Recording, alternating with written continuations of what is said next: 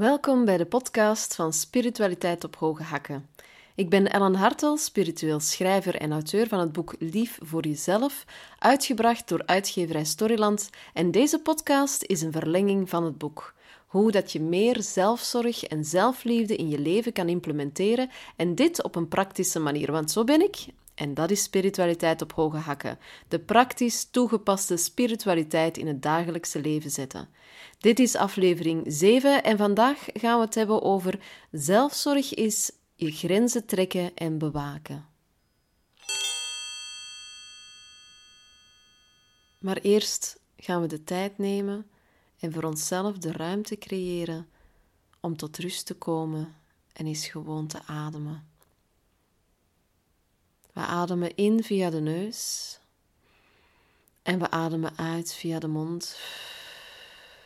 En blaas maar al die beslommeringen weg die je op dit moment niet nodig hebt. We gaan dat nog een keer doen. Ademen in via de neus en ademen uit via de mond.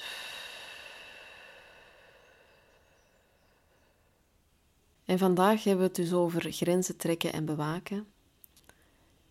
En ik moet daar eerlijk in zijn, ik had vroeger nauwelijks grenzen. Ik cijferde me weg. Ik, uh, ik paste me volledig aan aan de andere mensen. En wat ik zelf wilde, wel, dat wist ik eigenlijk op den duur zelfs niet meer. En dat was allemaal vanuit een angst om niet geaccepteerd te worden. Ik was bang dat wanneer ik ging zeggen wat ik wou of mijn eigen wil ging opleggen, mijn eigen weg ging gaan, dat ik dan afgewezen ging worden. Dat ik dan uit de groep ging vallen. Dat ik alleen ging blijven. En het enigste wat ik nu momenteel heb gezien door grenzen te trekken en die te bewaken, is dat bepaalde mensen uit mijn leven zijn gegaan, dat bepaalde situaties uit mijn leven zijn verdwenen. En dat er momenteel mensen zijn in mijn leven die net willen horen wat ik wil. En die zelfs soms hetzelfde willen. Dus door mijn grenzen te beginnen trekken en beginnen bewaken, heb ik langs de ene kant voor mezelf een veilige haven beginnen creëren, waar ik mezelf kan zijn. En is dat ook mijn leven beginnen scheppen dat het beste bij mij past. En het heeft dus niet anders dan voordelen om die grenzen te trekken en te bewaken. En het kan aanvankelijk beangstigend zijn. Voor mij was dat over die angst heen stappen en aan mezelf bevestigen dat mijn wil belangrijk is, dat mijn noden en wensen belangrijk zijn en dat ik ertoe doe. En dat wanneer mensen dan wegstappen van mij, omdat ik mijn wil duidelijk maak, omdat ik duidelijk maak wat ik wel wil en wat ik niet wil, wat ik wel toelaat en wat ik niet meer toelaat, als die dan wegstappen, dan is dat een natuurlijke zuivering in mijn leven. Dan hoorden die mensen er ook gewoon niet bij. Dan waren dat niet de juiste mensen voor mij. En ik ben beginnen zien dat ik dus mensen begon aan te trekken die mijn grenzen respecteerden. Degene die ik dan al had um, en die ik communiceerde en duidelijk maakte en die dat meteen respecteerde en er geen vragen over stelde, geen protest tegen maakte. Dat gewoon aanvaarde als zei: Oké, dat is uw grens en ik respecteer dat. En dat is heel mooi om te ervaren en een heel grote opluchting. Hoe ben ik daar dan mee begonnen? Want ik, eh, ik heb al gezegd, ik had nauwelijks grenzen. Hè. Mensen konden zo over mij heen lopen. Ehm, met alle gevolgen van die natuurlijk dat er misbruik van mij is gemaakt geweest en grensover, grensoverschrijdend gedrag is gebeurd. Dus hoe ben ik dan die grenzen beginnen trekken, zodanig dat ik dat toch wel enigszins kon voorkomen in de toekomst? Hè? Dat ik sterker in mijn kracht kon gaan staan en dat ik nee durf te zeggen. Wel, ik ben beginnen luisteren in eerste instantie naar mijn wil. Wat wil ik? Hoe zie ik het leven? Wat is het leven dat ik wens te creëren? In welke wereld wil ik leven en vertoeven? Wat wil ik zien? Wat wil ik ervaren? En wat wil ik niet zien? Wat laat ik toe en wat laat ik niet toe? Dat begon bij mij met heel simpele kleine stapjes. En ik sprak zelfs aanvankelijk nog mijn grenzen niet uit, maar ik begon wel voor mezelf aan te voelen met de situaties die zich in mijn leven aandienden. Wat wil ik hiervan wel en wat wil ik hiervan niet? En dus ik heb mezelf door het leven laten begeleiden. Door de mensen die nog in mijn leven waren en hun gedrag dat ze naar mij vertoonden, dat ik daar ook eens naar keek van, wil ik dat nog wel, wil ik dat niet?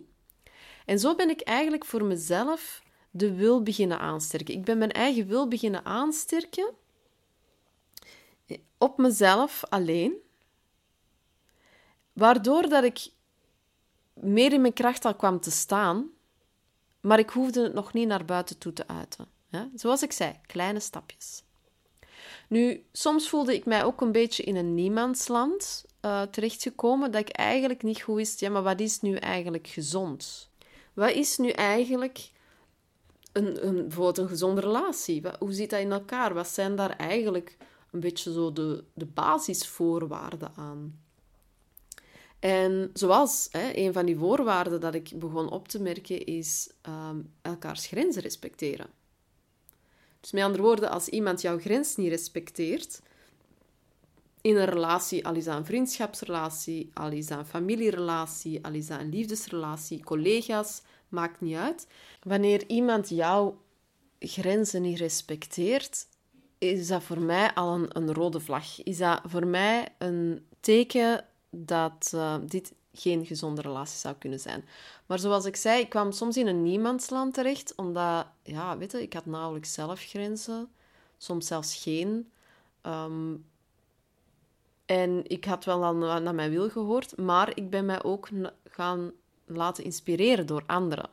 Ik ben me laten inspireren en ik ben beginnen praten met mensen waarvan ik voelde en zag dat die eigenlijk wel Ehm, gezonde grenzen hadden.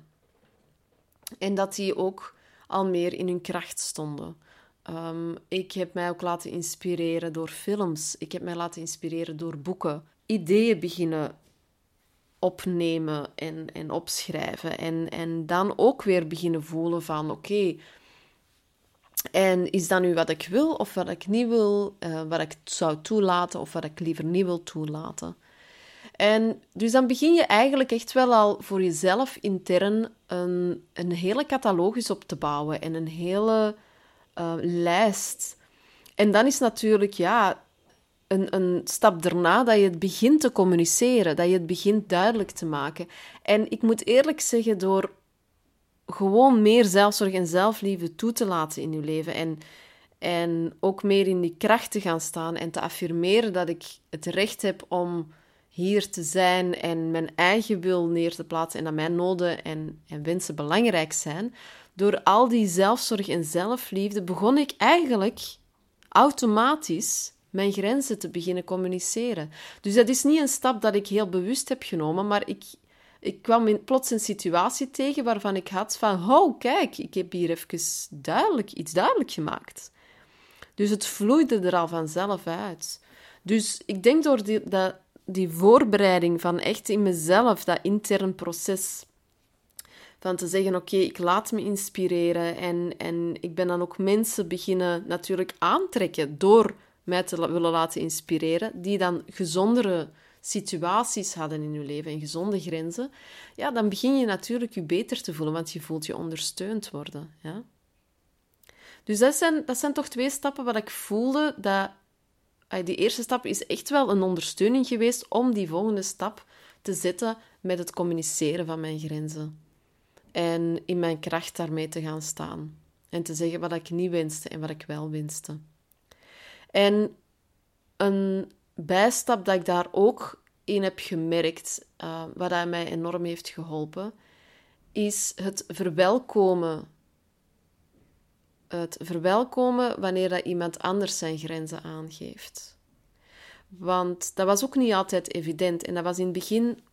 Um, ik weet dat ik eigenlijk lange tijd, wanneer dat er eigenlijk iemand zijn grenzen afbakende, dat ik dat initieel aanschouwde als een afwijzing. Als iemand tegen mij meldde van ik heb vandaag geen tijd. Zag ik dat als een persoonlijke afwijzing van jij wil geen tijd met mij spenderen. Waarom niet?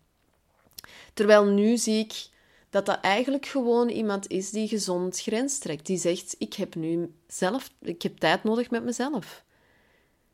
Ik, ik heb hier een grens en ik voel dat ik mezelf moet herbronnen. En daarvoor heb ik alleen tijd nodig.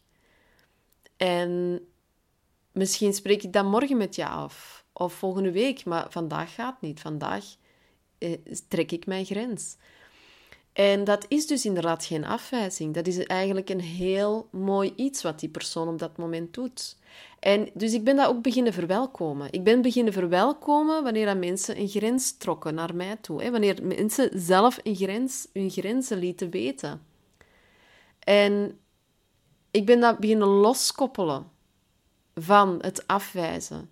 Want ook voor mezelf aanvankelijk, wanneer, en ik voel het soms nu nog hoor, dat wanneer ik een voel van ik moet eigenlijk mijn grens neerzetten, dat ik dan toch nog die angst voel doorcijpelen, dat ik dan bang ben dat ze denken dat ik hun afwijs en dat ik er niet meer bij mag horen.